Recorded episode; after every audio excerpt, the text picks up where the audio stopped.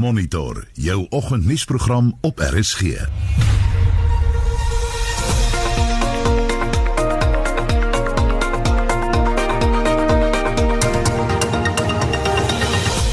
In volgens se program vanaf die Toyota US Woordfees, vier universiteite het met inisiatiewe begin om die Wes-Kaapse groen ekonomie 'n hupstoot te gee.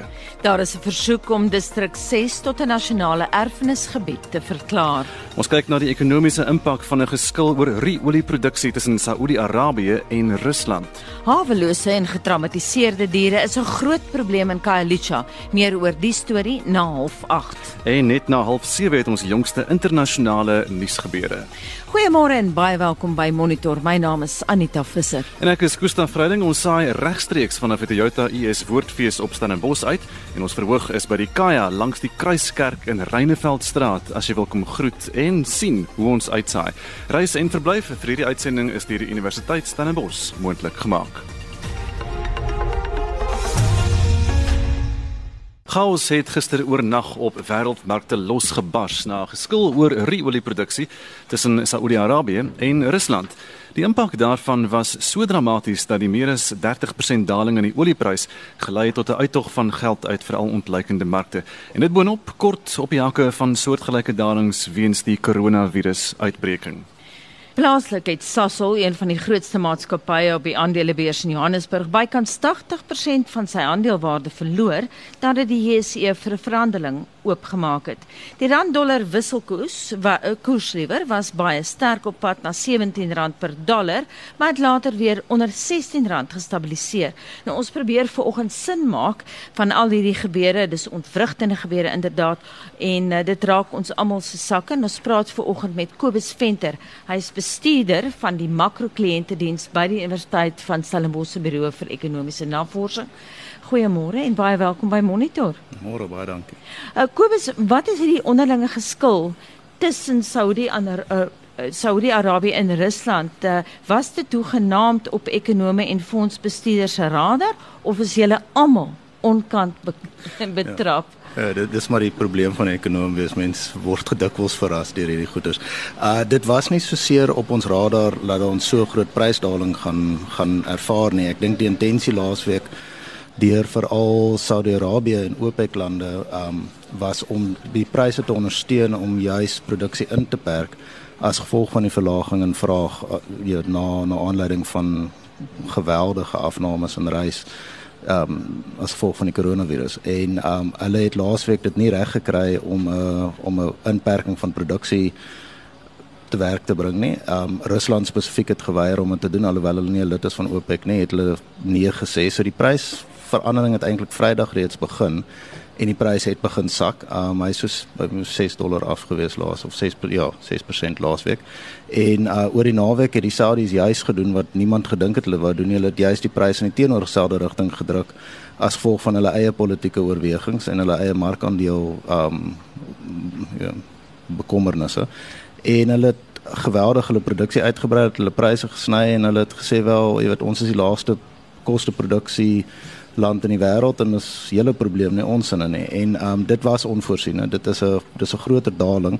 Ek dink is belangrik om te onthou dis waarskynlik nie 'n permanente skuif hier nie. Dit dit is 'n kwessie van wie eerste gaan wie eerste gaan ingee. Ek dink die russe is nie iemand wat daarvan hou om om vreeslik um, gijslaer gehou te word nie. So ek vermoed dit kan dalk langer aangaan as 'n week of twee.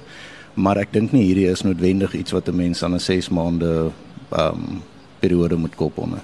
Maar dan word almal van ons gijslaar gehou in die proses. Dit is baie moeilik om te verstaan sulke groot uh, makro-ekonomiese goed wat oor see gebeur. Hoe gaan hierdie dramatiese gebeure op 'n praktiese vlak uitspeel in die alledaagsheid van ontleikende markte se ekonomie soos in Suid-Afrika? Nee, ek ek dink ek dink die probleem op alle lande is dat hierdie kom nou op die op die rug van geweldige swakheid wat reeds teenwoordig is. So Suid-Afrika sukkel. Ek ons almal weet dit. Um Ek dink die koronavirus het gekom op 'n tyd wat ons dit bitter min kan bekostig. Ek dink die realiteit is ons gaan gelukkig wees om enigstens groei te hierdie jaar. En ek dink die die die impak is eintlik grootendeels as gevolg van die die skokwaarde daarvan. Dit het 'n geweldige impak op die op die geldeenhede gehad. Die rand het baie verswak. Hy het daarom sedertdien baie terug jy weet teruggetrek. Ek dink die voor die as mens nou 'n soort van 'n silwer randjie soek, sou dit wees dat indien die rand wel sy grond herwin, uh wat lyk as wat moontlik is op die oomblik ons betaal nog steeds baie hoë rentekoerse, laat die voordeel tot ons verbruikers wel insiggewend kan wees want ehm um, om en by 'n 20% verla verlaging in die rand oliepryse is is amper gelykstaande aan 'n 3 kwart persent op konsumpsiespandering. So dit dit het wesenlike impakte. Maar ek dink die die die vrees op die oomblik is dit maak 'n slegte situasie erger. Maar jy sê nou, dit gaan dalk nie so erg wees vir die man en vrou op straat nie, as ek jou reg verstaan. Nee, dit die korttermyn impak hier gaan gaan definitief wesenlik wees. Ek dink die die vraag is hoe lank dit gaan aanhou en um hoe erg die die kumulatiewe effek daarvan kan wees bo op die rug van die koronavirus. Ek dink die voordeel daarvan is dat dit maak nou waarskynlik 'n rentekoersverlaging deur die die reservebank 'n uitgemaakte saak. Of vraag of dit 25 of 50 punte gaan wees. So dit jy weet dit, dit voel positief, maar eintlik langer termyn is dit maar 'n negatiewe situasie want want want dit is as gevolg van baie negatiewe situasies, jy weet, marktendense wat dit gebeur het. Die een ding waar ons gewoonlik bekommerd is as gewone mense is is pensioenfonde, beleggings en so wat in aandele belê is.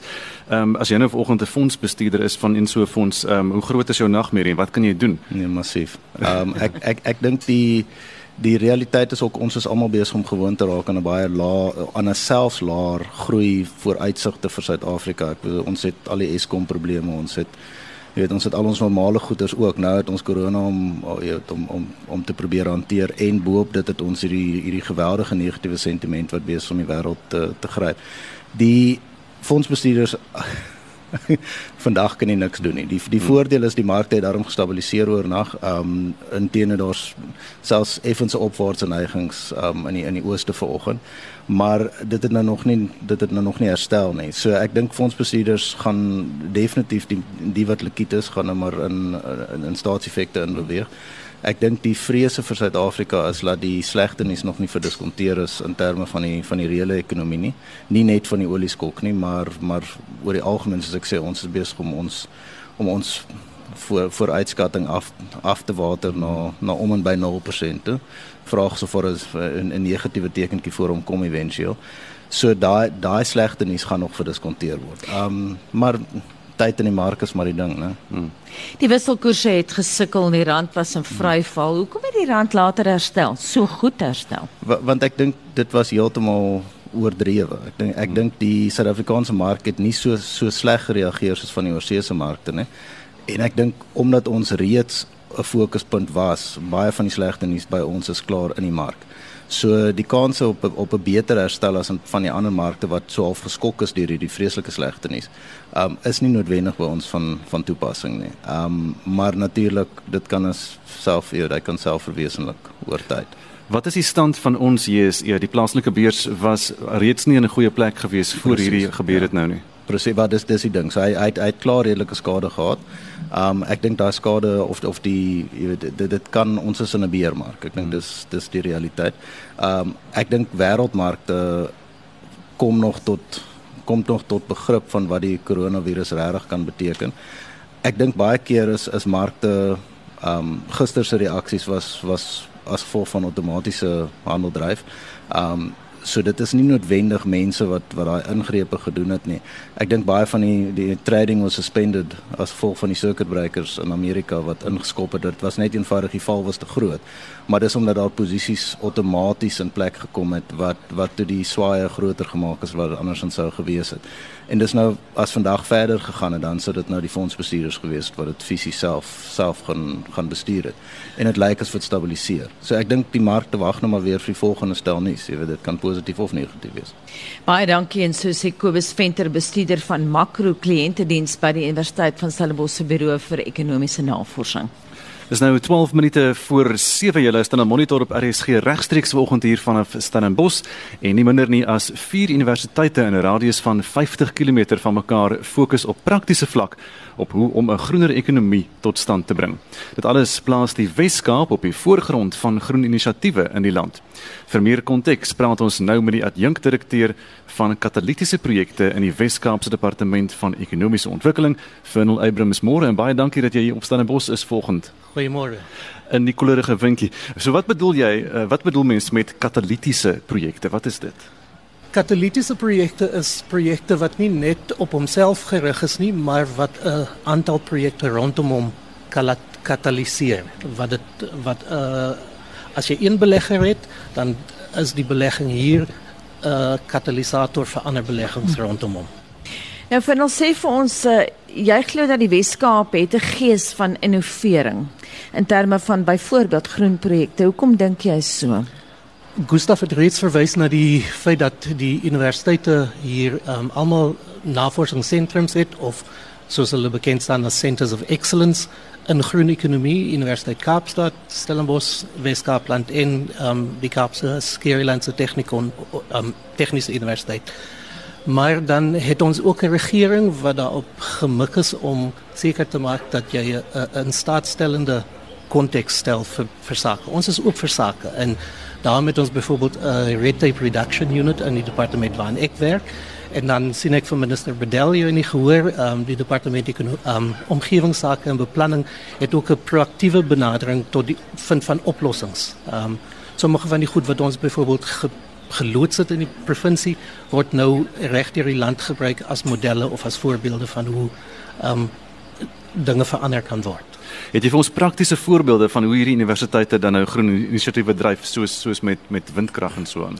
As ek net dink aan die Center for Sustainable and Renewable Energy Studies by die Universiteit van Kaapstad, hulle doen intensief navorsing oor die ontplooiing van sonkrag, ehm um, die verskillende forme van sonkrag um, die verskillende groottes, um, nuwe tegnologie, die ekonomiese vatbaarheid daarvan en dit word op praktiese vlak dan geïmplementeer. Um, by die Universiteit van Wes-Kaapland is daar byvoorbeeld 'n navorsingsentrum wat werk aan aan batterye.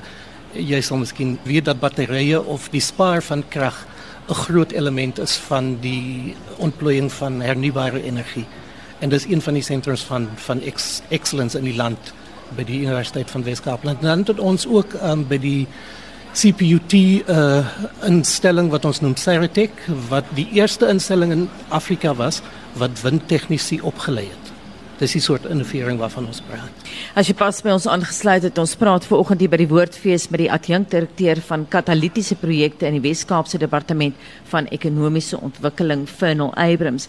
Fernal, eh, kom ons praat 'n bietjie oor daai windplase. As baie mense wat geïnteresseerd is in hoe presies dit werk. Ek weet daar's ook windplase in die Oos-Kaap, né? Nee?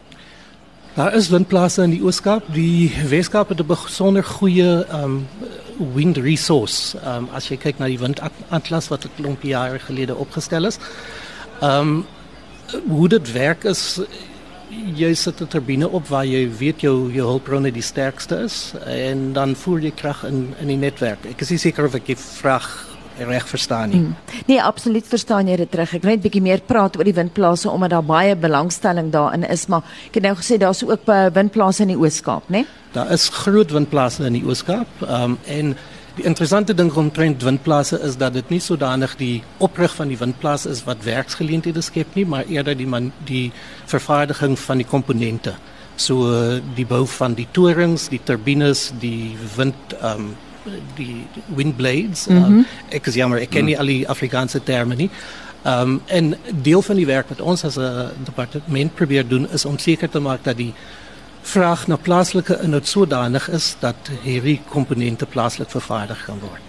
Ons fokus nou op julle as plaaslike regering uh, in die Wes-Kaap en wat die regerings doen en en die owerheidsinstansies, maar speel die groot besighede in die korporatiewe wêreld saam met julle hier? Natuurlik speel hulle saam. Um, dit was vir ons interessant om te sien tydens die waterkrisis hoe bereid groot maatskappye was om met die regering saam te werk om oplossings te kry om meer volhoubaar met water om te gaan en en ek dink ons het in 'n tyd van krisis en en ek gebruik graag die uitdrukking dat 'n mens nooit 'n goeie krisis moet laat verlore gaan nie. Um, het ons werklik vooruitgang gemaak in in die manier waarop groot ondernemings kyk na hoe met hulle hulpbronne omgaan. Dieselfde gebeur nou tydens die beerdkrag. Um, ons het 'n taakspan in die provinsie wat kyk tot watter mate ons met ehm um, sakeondernemings kan saamwerk om hulle meer ehm um, lewenskragtig te maak in 'n tyd van krisis. En wat is die sakelui se reaksie? Is hulle positief? Ek dink positief. Ek dink daar's allerweë is daar sakelui sit nou met 'n bietjie van 'n conundrum. Waar bestee hulle hulle geld? Ehm um, bestee hulle geld op ehm um, energie en seker onseker te wees dat hulle genoeg energie het of spandeer hulle hulle geld op tegnologie wat hulle help om minder water te verbruik. Ehm um, of om skaarser hulpbronne en die hulpbronne word al hoe skaarser om dit beter te gebruik. Ehm um, sakeondernemings is besonder positief. Ehm um, die die die waterkrisis het uh, sakeondernemings in die toerisme byvoorbeeld uh, veral geknou, maar ek dink ehm um, die reaksie van die breë publiek in terme van waterverbruik was vir ons al, almal baie bemoedigend. Gepraat daarvan herwinning is 'n ding wat nou nie meer snaaks is nie, staan nie alhoewel ons nie altyd dit uh, weet dieselfde plek is as die res van die wêreld daarmee nie, maar daar is tog mense wat voel mense kan herwinning beter doen, né? Nee? 'n mens kan dit baie beslis beter doen, maar dan moet 'n mens altyd dat daar 'n koste aan verbonde is en die vraag is tot watter mate 'n munisipaliteit die koste kan dra of tot watter mate daai koste aan die verbruiker oorgedra word. Terselfdertyd het jy 'n informele sektor, byvoorbeeld mense wat wat um, afvalmateriaal wat gehersirkuleer is, um, oplaai die, die mense met die karretjies. Hoe help jy hulle sonder om die spontaniteit van daai besigheid um, te bederf. En as hulle dan hulle produkte aan 'n mark verkoop, tot watter mate word hulle blootgestel aan die wisselende marke? Byvoorbeeld, die waarde van 'n kilogram karton kan vandag 'n rand wees en môre kan dit 10 sent wees. En dit is 'n groot groot uitdaging in daai sektor. Funnel net laastens, kom ons praat 'n bietjie oor die ontwikkeling van 'n spesiale ekonomiese sone. Ons het daarna verwys vroeër in die program. Dis nou in Atlantis. Vertel ons kortliks daarvan. Dit is 'n geografies afgekordonde gebied of geïdentifiseerde gebied waarin maatskappye wat belê um, belastingvoordele kan ontvang en ander um, ondersteuningsmiddels ontvang om belegging in 'n spesifieke sektor te stimuleer. En die sektor waar uh, op die Atlantis SEZ fokus is die groen ekonomie en die platonsvervaardiging van um, hernubare energiekomponente, vervaardiging van toestelle wat waterbesparing um, in die hand werk, die vervaardiging van alternatiewe materiale, verpakking, um, die herwinning van plastiek, die herwinning van rubber en die omskakeling daarvan in nuwe produkte. Baie dankie uh, die man wat daar so lekker gesels met ons is die adjunkdirekteur van katalitiese projekte in die Wes-Kaapse departement van ekonomiese ontwikkeling Funnel Abrams Funnel. Baie dankie dat jy spesiaal ingekom het in die koel cool oggendlig om met ons te kom gesels hier by die Woordfees op Stellenbosch. Dis 'n plesier, dankie.